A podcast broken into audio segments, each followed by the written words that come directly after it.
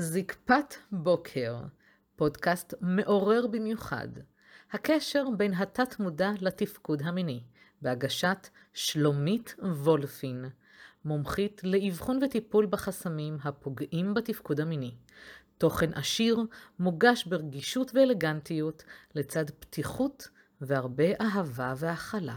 שלום וברוכים הבאים לפרק שמה לעשות נפל על יום, אה, יום האישה, יום האישה הבינלאומי שנקבע לשמיני למרץ, אה, במקרה שלנו זה השנה, השנה היא שנת 2022, וכבכל שלישי כמנהגי, אני מעלה לכם פרק חדש, והפעם החלטתי, למרות שזה יום האישה, להתייחס אליכם הגברים, אבל בדרך עקיפה, איך אישה מלחיצה משפיעה על התפקוד המיני שלכם.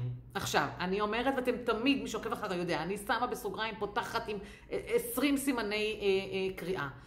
אני לא שופטת, אני לא מעבירה ביקורת, אין נכון או לא נכון, אין טוב או רע. יש מצב נתון של גברים שחווים אישה מלחיצה בחיים שלהם, או חוו אישה מלחיצה בחיים שלהם, זו יכולה להיות בת זוג, או אימא, או, או גננת, או, או, או מורה, או כל דבר אחר, שבעקיפין, או ביודעין, או ישירות, או בסיבוב, או בכיכר, או איך שתקראו לזה, נגרמה השלכה על התפקוד המיני. Hmm? מעולה. אז אני שלומית וולפין, נעים מאוד, ואני מומחית לשיפור התפקוד המיני לגברים. אני מובילה לחיי סיפוק והנאה, ואת הפרק הזה אני מקדישה למה הקשר בין התפקוד המיני לאישה מלחיצה. מוכנים? אוקיי. עכשיו, יכול להיות שבחלק ממה שאני אומר תהיה הזדהות. יכול להיות שתרימו גבה. יכול להיות שתגידו, hmm, אוקיי, מעניין. בסדר? עד הסוף אתם תבינו מה זה אישה מלחיצה, איך זה משפיע על התפקוד המיני, איך זה משפיע על שאר תחומי החיים ומוביל לבעיות בתפקוד המיני, וכמובן, איך פותרים את הדבר הזה. לא נפטרים האישה, אבל יש כן דרכים. טוב, בעצם אתם תחליטו אם אתם רוצים להתגרש או לעזוב, אבל לא, לא, לא, זה באמת בשביל אה, להביא אתכם למקום שאתם אה, מבינים איך אפשר להתמודד למרות, או להביא למקומות אה, הרבה יותר טובים. אז יאללה, בואו נתחיל. אוקיי, אמ, אז ככה, אישה מלחיצה. זו אישה שבעצם באה ממקום, שאגב, גם לה יש את הפציעות שלה. תקראו לזה אה, שריטות, תקראו, אגב, גם אני הייתי שם. ששש, אוקיי? גם אני הייתי שם. אני אפילו אימא מלחיצה לפעמים, אבל גם הייתי אישה מלחיצה, כי איפשהו רציתי איזה סוג של ביטחון, או סוג של שליטה, ולכן הייתי מלחיצה במצבים מסוימים כדי לקבל את השקט הנפשי שלי, או לדעת שדברים קורים כפי שאני רוצה, ולמה? כי באתי גם מבית כזה. אז, אם יש לך אישה מלחיצה, או חווית אחת כזו, דע שזה משהו שנתבע עם הזמן. זאת אומרת, יכול להיות שהיא באה מבית שאימא שלה הייתה מלחיצה את אבא שלה. וזה המודל, זה, זה מה שהיא ידעה, היא לא ידעה משהו אחר. הרי מה אני תמיד אומרת? שאנחנו ספוג. אנחנו ספוג, ואנחנו לפעמים כמו דור שדופק דור, לומדים ועושים את מה שההורים שלנו אה, חוו בעצמם, מההורים שלהם ומההורים שלהם. לא משנה באיזה תקופה הם חיו, זה דברים שמושרשים ומוטמעים ועוברים אלינו מדור לדור, כי הם לא יודעים משהו אחר, לא לכולם יש את האינטליגנציה הרגשית בכלל אה, אה, לעשות דברים אחרים. אני יודעת שאני בהתפתחות האישית שלי, יודעת שאני במאמץ, סוג של מאמץ יומיומי, לא להתנהג כמו שאימא שלי התנהגה איתי, או הסביבה שלי התנהגה בצורה שהיא לא הייתה נעימה לי. עכשיו, מה קורה לנו? אנחנו במודע יודעים שזה לא נעים, אבל אנחנו ממשיכים להתנהג ככה, ולא מבינים למה זה קורה, אנחנו באיזה לופ כזה מטורף. זה התת מודע, זה התת מודע, וזו המומחיות שלי בעצם. אז אני מביאה לכם פה את העניין הזה של, אוקיי, היא מלחיצה. מה אני עושה בנידון, בעניין, ואיך אני משפר את התפקוד שלי מתוך המקום הזה. אז אישה מלחיצה יכולה להיות אישה שמלחיצה אותך ביום-יום, ברמה של נו תקום כבר, נו תצא לעבודה, נו מתי תמצא עבודה, נו תטפל בילדים, נו למה אתה לא עוזר בבית, למה אתה לא שוטף את הכלים בכיור, נו למה אתה לא מוריד את הקרש באסלה, נו למה ולמה ולמה ולמה ולמה, וכל היום חופרת לך וטוחנת לך, ובעצם שמה לך אצבע מאשימה שהיא מאוד לא נעימה, וזה מלחיץ, זה מלחיץ. הטון דיבור שלה, איך שהיא אומרת את הדברים, הטונציה שלה, השפת גוף שלה, הפרצוף, תראו את הפרצוף שלי עכשיו, מי שרואה, כזה, אוקיי? שלפעמים בא לנו להרים איזו כאפה, רק שהפרצוף הזה יצא לנו מה, מהזום. ו, ויש שם אה, מרירות, ויש שם את התחושות ואת הרגשות שלה של רק כדי לבוא ולהוכיח או לחפש או לעשות דברים. ו, ובואו, בינינו, זה לא נעים. אני יודעת, כן? הייתי שם. זה, זה לא נעים, להיות בסביבה שהיא מלחיצה. הגעת לעבודה, למה לא התקשרת? עם מי יצאת? מה אתה עושה? איפה אתה אוכל? איפה אתה, כל דבר, להלחיץ ולהלחיץ. עכשיו, להלחיץ לא רק בקטע שלי צריכה שליטה ולדעת כל דבר מה אתה עושה ואיפה זה, אלא להלחיץ גם בקטע של להניע אותך לעשות דברים, ותגיד לי למה ככה, ולמה, אה, הכל. הראש שלי מלא בדוגמאות, אני לא יכולה לראות את כל הדוגמאות עכשיו, אבל מי שמבין מה זה אישה מלחיצה, אז, הוא יורד לסוף דעתי. עכשיו, זה יכול להיות בלחץ של חתונה. יאללה, בוא נתחתן, אז זה מלחיץ, ויש גברים שזה פוגע להם בתפקוד המיני. אה, זה יכול להיות בקטע של, עוד לא התארסנו, אז בוא נתארס, ואז עד החתונה, זה מלחיץ. ואחרי שהתחתנתם, אז, אז דירה, וזה מלחיץ, כי זה כסף. ואז זה ילדים, או ללמוד משהו, וזה מלחיץ, או בוא ניסע לחו"ל, ולפעמים זה מלחיץ. לא לכולם זה בא בזרימה, וזה נעים, וזה... מי שזה בא לו בזרימה ונעים לו, הפרק הזה בכלל לא, לא ידבר אליו, הוא בכלל לא יבין מה אני רוצה מהחיים שלו. מה השלומית הזאת מדברת עכשיו, אישה מלחיצה? כן, כן, יש כאלה שהן לא מלחיצות. אני מדברת על אלה שכן, בסדר? אז, אז הלחץ של הילדים, ועבודה, ולקום בבוקר, ולשאת הילדים, וחוגים, ולבוא, ולבוא לחמותי, ולבוא לאימא, ולאבא, ולחגים, ואיך ככה, וכל דבר הוא... שאין הנאה. אין הנאה כבר בדבר הזה, נכנסים לאיזו שגרה מטורפת, ילדים, עבודה, טה-טה-טה-טה-טה, ואין הנאה, וזה לא כיף, זה נורא מלחיץ, כל הזמן חיים תחת איזה זכוכית מגדלת, או איזה פחד לעשות משהו או לא לעשות משהו כדי לא לצאת טוב. אימא'לה, איזו סביבה מלחיצה. לא כיף, נכון? עכשיו, שוב, אני לא שופטת ולא כלום, אבל גם אצלה זה יושב על משהו שכנראה היא למדה אותו. או קרה לה משהו בחיים שהיא חוותה, והיא לא יודעת איך לתרגם את זה, ואיך לטפל בזה לפתור את זה, והיא מביאה את זה למרחב שלכם. עכשיו, יכול להיות שתחווה אישה מלחיצה רק מולך, רק לך היא דופקת את הראש ומלחיצה אותך ואת הסביבה שלכם, ברמת הילדים או הבית או מה שצריך, ויש כאלה של מלחיצות באופי שלהם, טבעי, כולם, כל הסביבה שלהם לחוצה. עם החברות, ועם האימא, ועם החמות, ועם הקולגות לעבודה, ועם הבוסית, הכל לחוץ. סיר לחץ. אז קודם כל, מה שאני ממליצה, לך כגבר. ואני ממליצה את זה אה, באופן כללי בכלל, כשאני עובדת עם אנשים, לרגע. לא להגיד היא מלחיצה והיא והיא והיא והיא, זה קודם כל אנחנו בוחרים להילחץ. יכול להיות שזה משפט מעצבן, אבל מה אכפת לי? אנחנו לפעמים בוחרים להילחץ, גם כי לפעמים הסביבה היא כזאת מלחיצה, אבל גם כי זה מה שבחרנו. זאת אומרת, יכולנו לבחור אה, בכמה מצבים שזה בכלל לא, לא מזיז לנו. למשל, מה, מה הכוונה מתוך הדבר הזה? למשל, בואו ניקח אישה סופר מלחיצה. אוקיי? נעמיד אותה מול שלושה גברים שונים בתכלית. היא תרד לשלושתם לחיים, תעשה את הקטע של ההשתלטנות, ההלחצה, עכשיו, כאן ועכשיו, ורוצה, ושלושתם מגיבים אחרת, כי כל אחד בא ממקום אחר, עם שריטות אחרות, מבית אחר, מהשקפת עולם אחרת. אז היא יכולה לרדת על הראשון מבין השלושה, והוא לא יישן שבוע, ויהיה לחוץ, ויעלה לו הדופק, והוא יתחיל להרגיש לו טוב, והוא לא יישן טוב, והוא ילך לרופא, והוא לא יבין למה הלחץ דם שלו עולה, ו- ולא עומד לו, או שהוא פתאום פלט וגמר מהר, ואללה בכתי באחותו, איזה שבוע היה לו. ניקח את אותה אישה שתלחיץ את הגבר השני, וההוא, יום יומיים מתבשל בתוך עצמו, איזה רגע מתפוצץ עליה, באימא שלך, עד כאן, עלית לי, תפסיקי.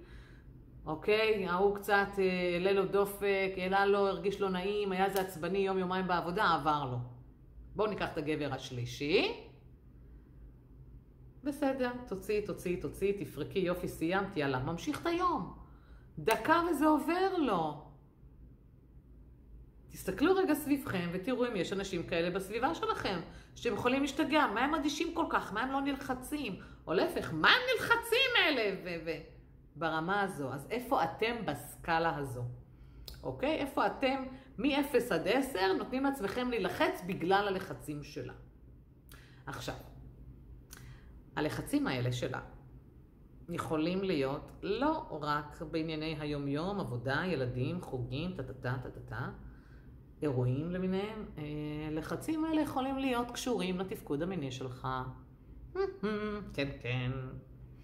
זה אומר שיכולה להלחיץ אותך יודעים מה? אני, אני אפרוט לכם.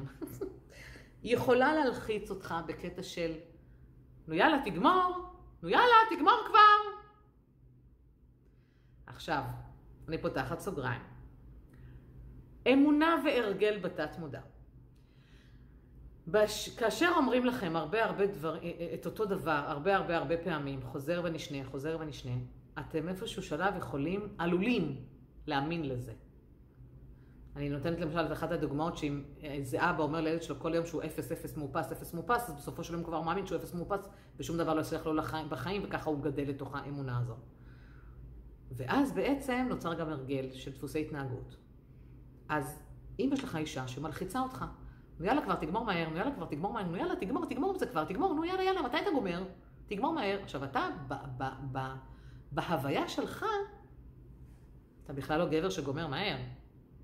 ואז פתאום עם הזמן, עם השבועות, החודשים, השנים, אתה שם לב שאתה גומר מהר, רק היא מבקשת ומשגעת אותך ומלחיצה אותך, ואתה בכלל רוצה עוד זמן, אתה רוצה זמן הנאה. אתה רוצה זמן איכות, אתה רוצה זמן להרגיש את החדירה שלך בתוך חלל האישה, אתה רוצה את האינטימיות, אתה רוצה יותר.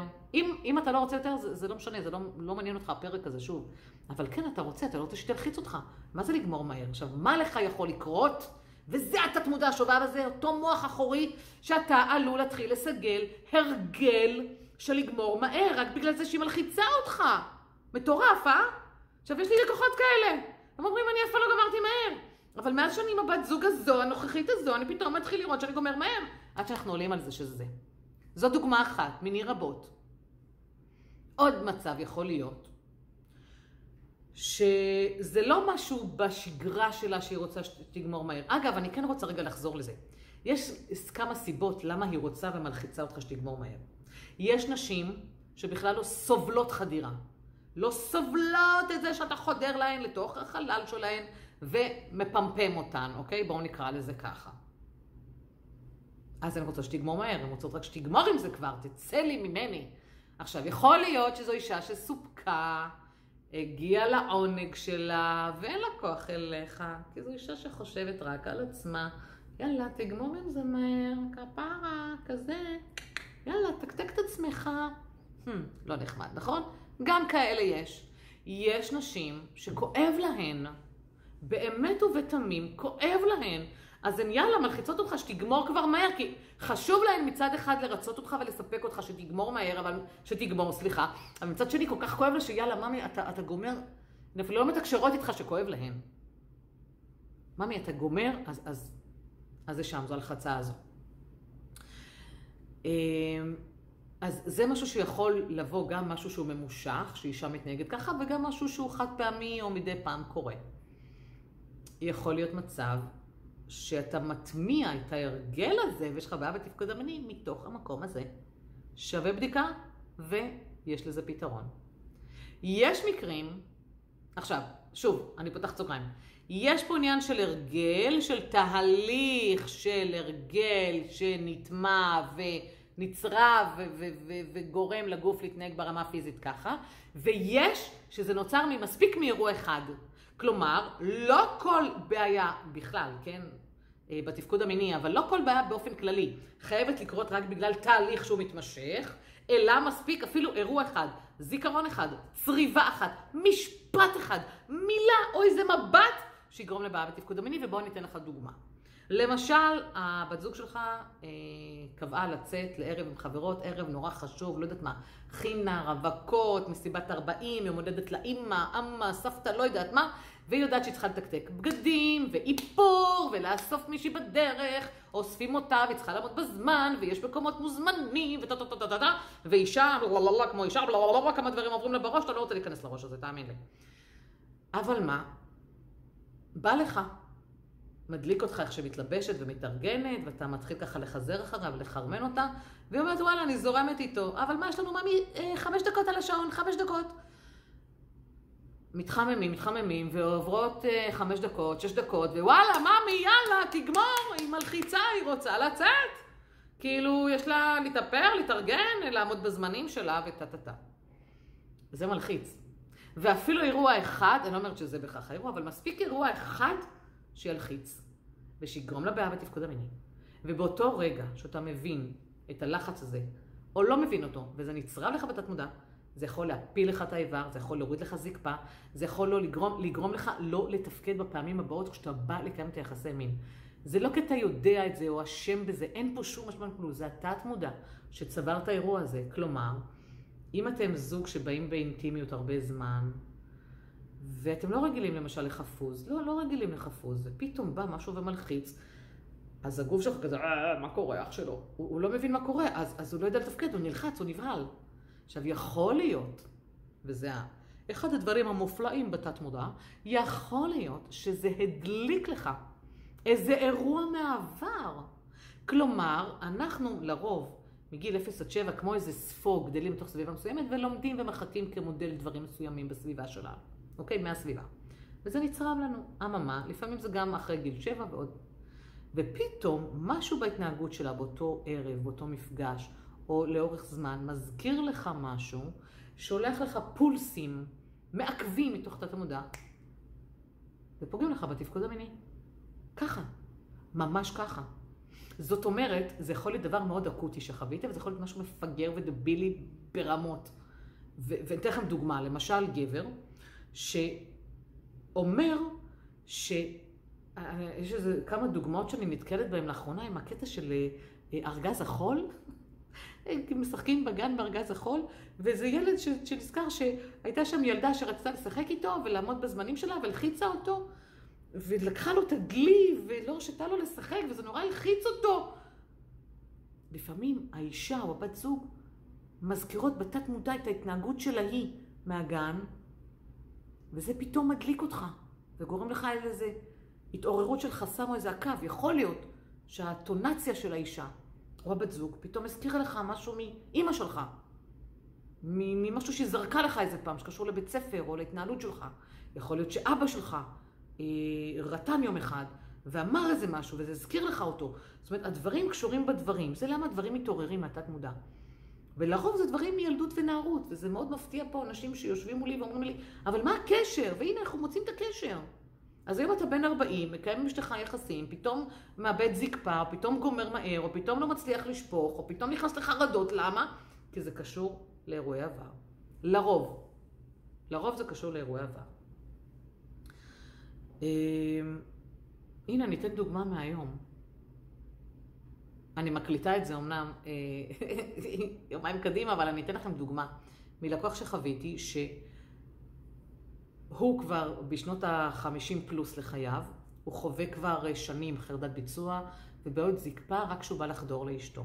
עכשיו, יכול להיות שחלק מכם זה יפגוש, כי חלק מהלקוחות שלי פה שומעים את זה, אבל כמובן שהכל דיסקרטי ואני לא אה, מעלה פרטים מזהים. אבל כשנכנסנו לתת מודע, הוא הגיע לאירוע בגיל 16. ורוב הגברים פה מגיעים לאירועים בגיל ילדות ונערות, גיל 14, 15, 16, 17, שהם זוכרים שהיה להם אירוע שהדליק את המנגנון הזה. עכשיו, איך הם זוכרים? אנחנו נכנסים פנימה לתוך התת מודע ושואלים, מה גרם לך? עכשיו, אם זה בן אדם שחווה אה, בעיה מסוימת בתפקוד המיני, אני ממש שואלת את התת מודע שלו. מה הייתה הפעם הראשונה שתפקדת ככה, או לא תפקדת ככה? מה הביא אותך לסיטואציה הזו? עכשיו, התת מודע מביא את האמת. הוא מביא את האירוע שלך, הוא רוצה שנטפל בו, שהוא מאפשר את הריפוי. אז התת מודע מחזיר אותנו אחורה, לפעמים מחזיר אותנו לגיל הנערות, ולפעמים אנשים מגיעים פה לגיל שנתיים, שלוש, ארבע, אפילו בני כמה ימים, על איזה קשר שהיה עם האימא והרגיש נטישה, או פחד למות, או פחד להיות לבד, הוא אומר, מה הקשר בין זה לזה שהבת זוג שלי הלחיצה אותי? וואו, יש קשרים. זה היופי בדבר הזה, זה היופי שמוצאים את זה בטיפול. וכשמוצאים את זה, אנחנו מטפלים בזה ופותרים את זה. הבנת? נורא פשוט. כאילו פשוט, כן, מה? מקצועיות שלי, אבל שאתם, אתם, רק כשאתם פה אתם אה, חווים את זה. אוקיי, עוד על חצות של אישה. כשאתה כבר לא מתפקד מינית כמו שצריך, ואתה עם עצמך מתבשבש, וניסית מספר דברים ללא הועיל, או לא ניסית מתוך מקום של יאללה, אני מאמין שזה יהיה בסדר, או האגו שלך כזה בשמיים שאתה לא מוכן לטפל בעצמך, או שאין מצב שלפה שלי ייכנס לטיפול הזה, או שאני אעשה, ואני לא מאמין בשום דבר שיעזור לי, או מתוך בושה ומבוכה. לא עובד, לא משנה כמה זמן, חודש, שנה, שנתיים, חמש עשרה שנים, לא עובד. ובאה אישה ומתחילה, נו, מה קורה? נו, תן תפוקה, קדימה, מה קורה? אני רוצה תפוקה, אני רוצה בולבולון, אני רוצה זה, שתחדור אליי, אני רוצה להיות מסופקת עם איבר מין, אני רוצה שתתפקד לי כמו גבר. בטח שזה מלחיץ. זה לא הכי רגיש מבחינתה, יש דרכים לעשות את זה בצורות רגישות, אבל זה מלחיץ. עכשיו, מה אומרים לי פה? לא מספיק שיש לי את הבעיה בתפקוד, זאת גם יושבת לי על הראש. ולמה?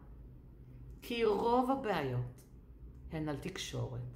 וכשיש ליקוי, ממש יש לקות בתקשורת, ולא יודעים לתקשר את הצרכים, לא יודעים לדבר, ויש שם הרבה משקעים של מבוכה ובלה בלה בלה, זה נפגם. עכשיו, האישה הזאת לא יודעת לתקשר את עצמה, וזה מלחיץ אותה. ועכשיו, למה מלחיץ אותה? כי גם לה עוברים סרטים בראש, שתבין מה עובר לנו בראש. רגע, אם לא עומד לו, אז מה זה אומר? שהוא כבר לא אוהב אותי? שאני כבר לא יפה? שאני כבר לא מושכת? לפעמים אני ממליצה להסתכל במראה ולראות באמת אם נמצא שם איזה שינוי שגורם לך לא להימשך אליה ולראות אותה בעין אחרת. יכול להיות שמשהו בהתנהגות שלה פתאום לא נעים, הלחצה של היום-יום, שגרת היום.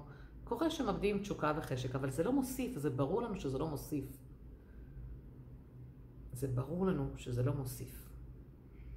אז כשהיא מתנהגת ככה, והיא פועלת ככה, ואתה יודע שזה מנגנון שמדליק אותך, אפשר לזהות את המנגנון הזה ולנקות אותו דרך התת מודע, ולהביא לך יותר לביטחון מיני, לביטחון עצמי, לכל מה שקשור לתפקוד שלך, וכמובן להחזיר את התפקוד ולשלוט בו, אם זה שפיכה, אם זה לרדת מחרדת ביצוע, אם זה אה, להחזיר זקפה, עטרה ליושנה, אוקיי? אה, מהמם. אז אה, יש כמה דברים ש, שצריך ללמוד מתוך הדבר הזה. קודם כל, להבין למה אתה נלחץ. ולדעת איך להתמודד עם לחץ, כי הלחץ, גם כשאתה תהיה בלחץ, זה לא מוסיף. זה יכול לפגוע בך בריאותית. מעבר לתפקוד המיני, זה יכול גם לפגוע בריאותית. אמ, גם אם אתה לא מוצא היגיון בלחץ שלה ובזה שהיא מלחיצה, תסתכל עליה, ולו לרגע, כעל חיה פצועה.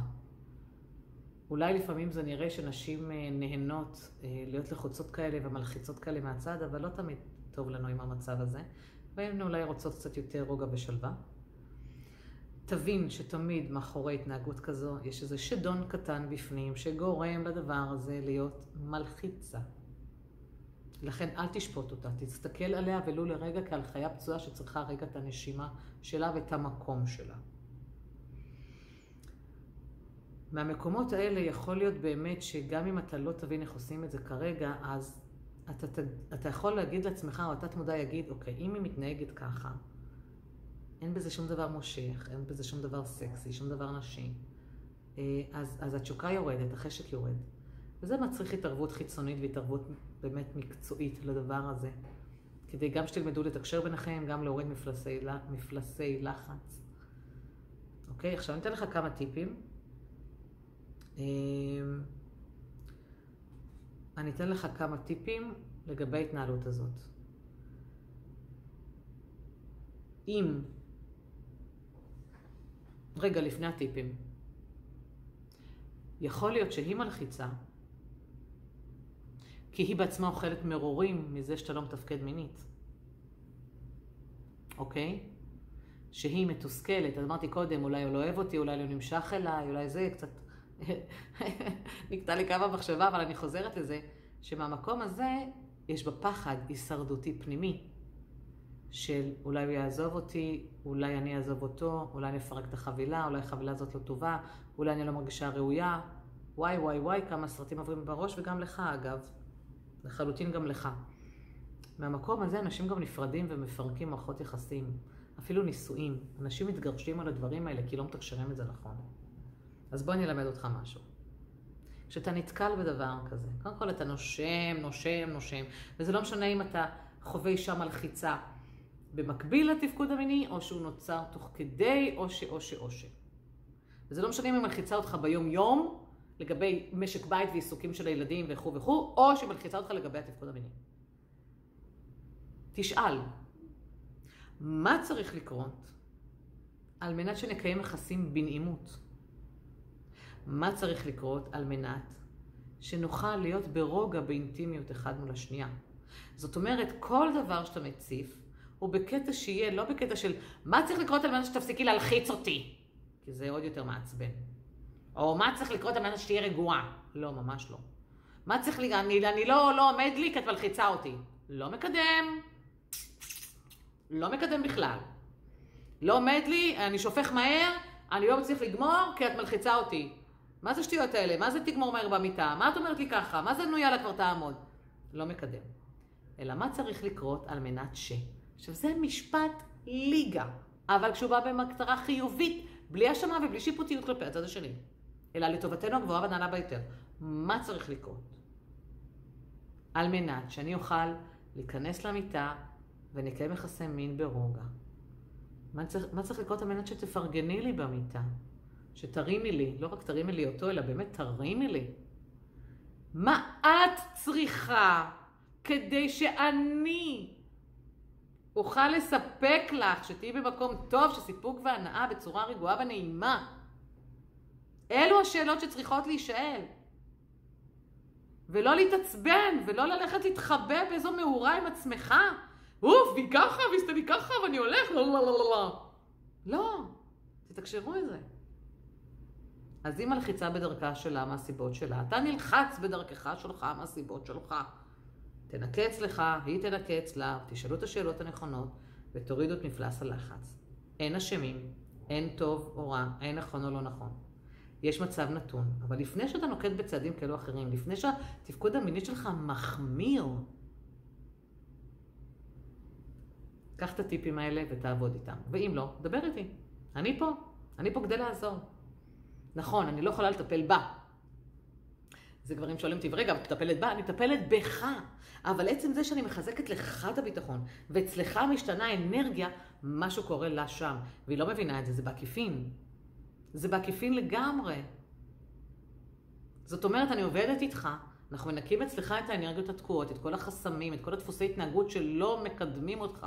אבל בזה שאתה משתנה, משהו משתנה בסביבה. הרי אומרים שבן אדם הוא עמוד תווך וסביבו עולם מסתובב, נכון? אומרים לפעמים שהאישה היא עמוד התווך של הבית.